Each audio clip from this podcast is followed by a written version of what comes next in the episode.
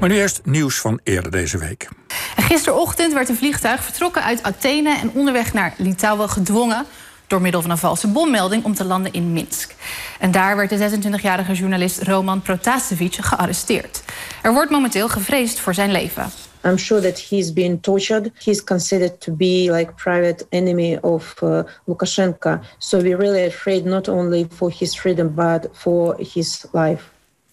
Ja, je hoorde het afgelopen uh, zondag dus de uh, vliegtuigkaping... waarbij een Wit-Russische journalist uh, werd gearresteerd. Waarom uh, trekt die Wit-Russische dictator Lukashenko alles uit de kast om deze man te arresteren? Wat beangstigt hem zo in die nieuwe protestgeneratie waar deze Pratasevich bij hoort?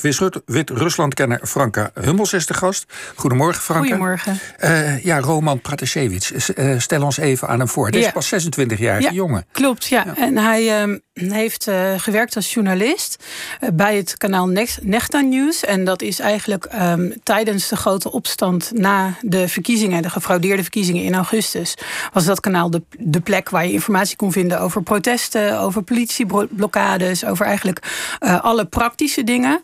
Maar er ontstond vrij veel ruis op de lijn. Dit was een Telegram-kanaal, dus mensen konden dat op hun telefoon uh, zien. Een soort hele grote WhatsApp-groep. Mm -hmm. En um, toen zijn ze echt gaan nieuws gaan brengen. Dus zorgen dat er toch goede nieuwsvoorziening was. Telegram was, als het internet eraf lag, lukte Telegram vaak nog wel. En bij dat nieuws brengen, met ook bronnenchecks en al dat soort dingen, was Pratasevich betrokken. Uh, en dat, dat was eigenlijk zijn rol. Dus hij speelde een belangrijke rol in de informatievoorziening voor de Wit-Russen in Wit-Rusland. Hij werkte zelf al vanuit Warschau, want het is niet veilig om dat vanuit Minsk te doen blijkt dus nu ook niet veilig om het vanuit Warschau te doen. Maar in principe was dat zeg maar zijn rol. Dus zorgen dat hij via internet informatie kreeg bij de mensen die die informatie wilden hebben. Ja, dus het is niet gek dat ik nooit van hem gehoord had. Voor nee hoor, nee hoor. Nee. Mij staan die drie vrouwen op het netvlies. Ja, precies. Ja, nou ja, ja dat zijn natuurlijk geen ja. journalisten. Ja. Maar, maar, hij staat voor een nieuwe protestgeneratie. Ja, hij is een van de vele mensen die daar uh, het gezicht van zijn. Of niet eens per se het gezicht, want mensen hebben vooral zijn letters gezien natuurlijk. Maar ja. Waarom, waarom is uh, zo, uh, Lukashenko bedoel ik, zo bang voor deze man? Wat, wat maakt dat hij angstig is? Waar, waarom wil hij hem oprollen? Is, gaat het om die beweging die erachter zit? Ja, het gaat om twee dingen. Het gaat inderdaad om de hele, um, het hele verzet eigenlijk... waarvan een heel groot gedeelte nu ook vanuit Litouwen... vanuit Polen of de rest van de wereld wordt gedaan. Hè. Um, dus dit was niet alleen een boodschap aan Pratasevich en zijn vriendin... maar aan de hele diaspora. Jullie zijn niet alleen niet veilig in Wit-Rusland... jullie zijn helemaal nergens veilig. Dus als ik jullie was, zou ik jullie mel houden. En uh, dan komt het wel goed met die veiligheid. Mm -hmm. Dat was een deel van de boodschap. En het andere deel is echt direct stoppen van informatievoorziening. In Wit-Rusland zelf is eigenlijk alles wat er aan vrije of semi-vrije media was uh, al beëindigd. Ook in de afgelopen week is de belangrijkste nieuwswebsite uh, op zwart gegaan. Uh, en dit is dan een manier om zelfs de informatievoorziening die vanuit het buitenland wordt georganiseerd ook te blokkeren, ook te stoppen. Maar is het ook meer dan dat? Is, is er bijvoorbeeld ook sprake van dat, dat via internet een soort uh, staat binnen de staat ontstaat. Ja. Een eigen gemeenschap die zegt: uh, uh, meneer de president, we kunnen het makkelijk zonder u het land organiseren. Ja, dat is, dat is gebeurd. Dat is zelfs al voor de verkiezingen gebeurd. En dat is echt een interessante ontwikkeling waarin ook echt wel internet een cruciale rol heeft gespeeld. We hebben in Wit-Rusland altijd gezien: de geheime dienst heet nog steeds KGB, is nog steeds alomtegenwoordig. En mensen waren dus bang voor elkaar. Dat is logisch. En toen corona uitbrak in de hele wereld, gebeurde er in Wit-Rusland helemaal niks. En voor mensen die apolitiek politiek waren, die hadden altijd het idee: als ik mijn mond hou, ben ik veilig. Maar toen kwam corona en toen was je dus ook als je je mond hield niet veilig, want je kon gewoon sterven aan een pandemie waarin je niet geholpen werd.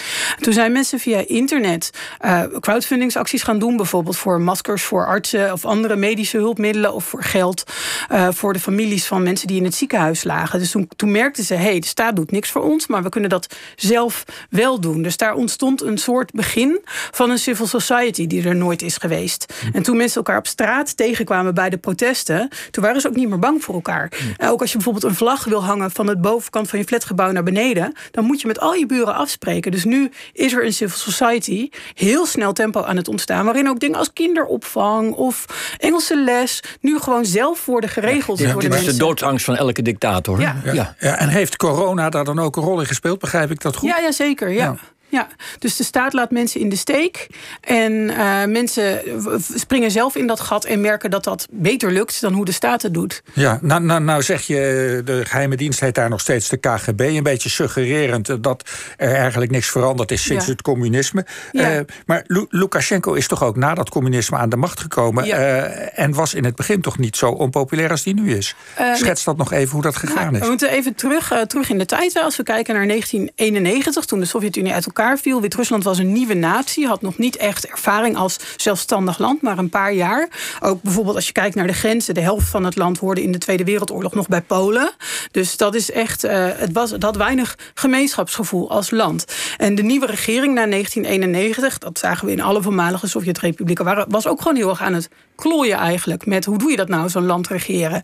En ze zetten heel erg in op nationale identiteit. En ze gingen daarin een beetje snel. Bijvoorbeeld de Wit-Russische taal, die wordt eigenlijk alleen gesproken door boeren en intellectuelen dat is nu aan het veranderen, maar toen was dat echt een elitetaal of juist een boerentaal. Dat werd de nationale taal. Terwijl veel mensen die taal niet spraken. Dat ging te snel. En Lukashenko die zat in het parlement. Die was kolgozenvoorzitter geweest, dus baas van een collectieve boerderij, een echte Sovjetman. En die zette zich in tegen corruptie.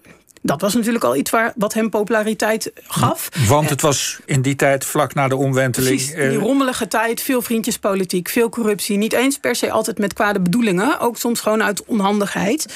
En hij verzette zich daartegen en hij zei: de veranderingen gaan te snel. Dus als je op mij stemt, dan eh, gaan we in ieder geval hè, gaan we terug naar, naar uh, waar we vandaan kwamen. Want het werd ook snel kapitalistisch, of hoe moet ik nee, het zien? Nee, nee, er is echt nooit een echte kapitalistische Niet wat je in Rusland hebt gezien, bijvoorbeeld. Nee, Wit-Rusland is nog steeds heeft niet echt de eh, de, transitie naar kapitalisme gemaakt. Uh, wat er aan kapitalisme in Wit-Rusland is, komt uit Rusland of uit Saoedi-Arabië. Niet, niet, uh, of China, niet uit Wit-Rusland zelf. Dat was nog niet aan de hand. Het was echt nog een, stapjes richting democratie die ze probeerden te zetten tussen 1991 en 1994. En Lukashenko die had dus echt het idee van we mogen trots zijn op de Sovjet-Unie, dat moeten we niet weggooien. Dus hij heeft daar echt heel snel zijn verhaal van gemaakt. ook dus de identiteit van Wit-Rusland baseren op de Tweede Wereldoorlog. Helderland, gewonnen door de Sovjet-Unie. Dat, dat werd zijn nationale verhaal, omdat dat ook met duidelijke grenzen was, beperkt. Maar ook van een autoritair regime dus. Van Stalin zelfs. En dat, is, uh, dat werd zijn verhaal. En in het begin was hij daarmee populair, omdat het in ieder geval te begrijpen was. En mensen kenden het. Maar toen hij steeds autocratischer werd, steeds dictatorialer werd, via referendum zijn eigen termijn verlengde, meer macht naar zichzelf toetrok, toen werd hij dictatorialer en toen was hij nog steeds best populair. Maar toen ontstond er ook wel weer echt veel meer verzet tegen hem. En, en wat voor soort verzet was dat dan? Ja, ook maar, Wat was daar de gedachte achter? Ja, dat, was dan, dat verzet dat um, wilde eigenlijk een ander narratief tegenover dat van Lukashenko stellen. Dus dat was een Europees verhaal. Waar Lukashenko zich heel erg richtte op de Sovjet-Unie, uh, richtte die oppositie zich heel erg op het groot-Litouwse hertogdom een aantal eeuwen geleden. En uh, dus ook heel erg nadruk op die taal die veel mensen niet spraken, op de symbolen uit die tijd, de verhalen uit die tijd. En daardoor was het voor hen ook moeilijk om aansluiting te vinden bij de bevolking. Je hebt echt wel meegemaakt, twintig jaar geleden dan, maar dan staan mensen folders uit te delen met kritiek op Lukashenko in een taal die gewoon de ontvangers niet lezen, niet kunnen lezen. En dan zeg ik daar wat van. Ja, maar wij willen onze taal behouden. Wel, welke taal is sorry? Wit-Russisch dus. Wit-Russisch. Ja. ja. Dus je hebt, je hebt een hele rare situatie. Aan de ene kant heb je uh, de, de, leider die ja. het Sovjetmodel ja. heeft uh, ge, ge, overgenomen ja. en wil implanteren, ja. implanteren. En aan de andere kant heb je dan die Wit-Russische oppositie die via een rare bobbel ja. naar Europa staat. Is, is dat eigenlijk de vraag die nog steeds speelt? Waar gaat Wit-Rusland naartoe? Moet het naar Europa of naar de Sovjet-Unie? Veel minder. Want je ziet nu eigenlijk, uh, voor het eerst is nu de oppositie verenigd. Hè? Um, er is één keer eerder één kandidaat geweest, maar dat was nog steeds iemand met weinig populariteit. En zelfs in de campagne gingen zijn medestanders vertellen wat er niet goed aan hem was. Dus dat was echt uh, heel knullig allemaal. En nu was er dan voor het eerst, je noemde ze net al, die drie vrouwen. die gezicht waren van heel verschillende politieke stromingen. die samen op dat podium stonden, samen die campagne ingingen met een heel duidelijke en um, weinig politiek-ideologische boodschap. Namelijk, alle politieke gevangenen vrij, eerlijke verkiezingen. En de discussie over wat daarna komt daarna wel. En dat is dus iets waarin ook iedereen zich kon vinden. Er zat geen groter verhaal bij. En je ziet nu in de oppositie in Wit-Rusland zie je wel discussies over wat hierna. Uh, zeker wel. Maar de focus ligt wel met z'n allen bij eerst die man weg. Eerst de uh, politiek gevangenen vrij. En ook wat echt opvalt aan deze oppositie nu, de nieuwe generatie, is dat ze ook minder bij voorbaat anti-Russisch zijn. En dat is deels uit pragmatisme, omdat zonder steun of van Poetin kan Wit-Rusland niet zelfstandig bestaan. Dus zelfs als je hem haat, zul je met hem moeten dealen. En deels ook gewoon uit ervaring. Bijvoorbeeld een van de belangrijke oppositiekandidaten... die dus niet mee mocht doen aan de verkiezingen in de gevangenis zat... en voor wie uh, Maria Kolesnikova uiteindelijk in de plaats is gekomen als, als gezicht... die was baas van Belgazprombank. Een bank die echt hele sterke banden met Rusland heeft natuurlijk, van Gazprom. Dus...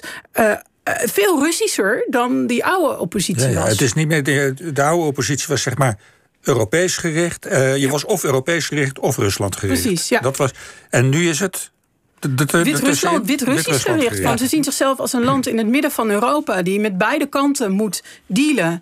Uh, daar zijn weg in moet vinden, maar wel de, zijn eigen weg moet vinden. En ook als oppositie grond, zeg maar. We hebben natuurlijk in Oekraïne gezien bij de laatste uh, revolutie daar. Iedereen met Europese vlaggen, heel Europees gericht. Ook logisch, ook begrijpelijk dat dat land zich bij Europa betrokken voelt. Maar dat is niet goed afgelopen. Dat heeft echt wel tot reactie van Poetin geleid met oorlog, met, het, met de inname van de, de Krim. En dat heeft Wit-Russen ook wel bang gemaakt om helemaal voluit voor de Europese Unie te kiezen. En het feit dat de Europese Unie nu ook zo weinig eigenlijk doet voor Wit-Rusland, maakt die liefde ook niet echt groter.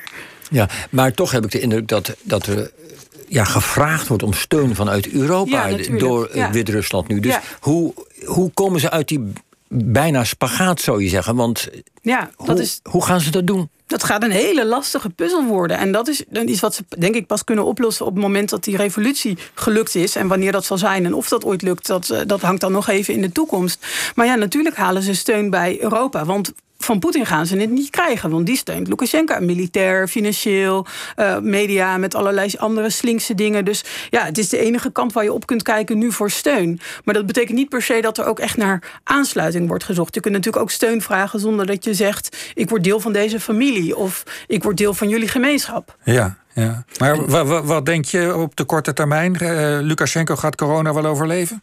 Ja, ik vrees van wel, omdat zolang hij steun van Poetin blijft krijgen. Kijk, Poetin is niet dol op die man, dat weten we. Heeft ook een lange geschiedenis.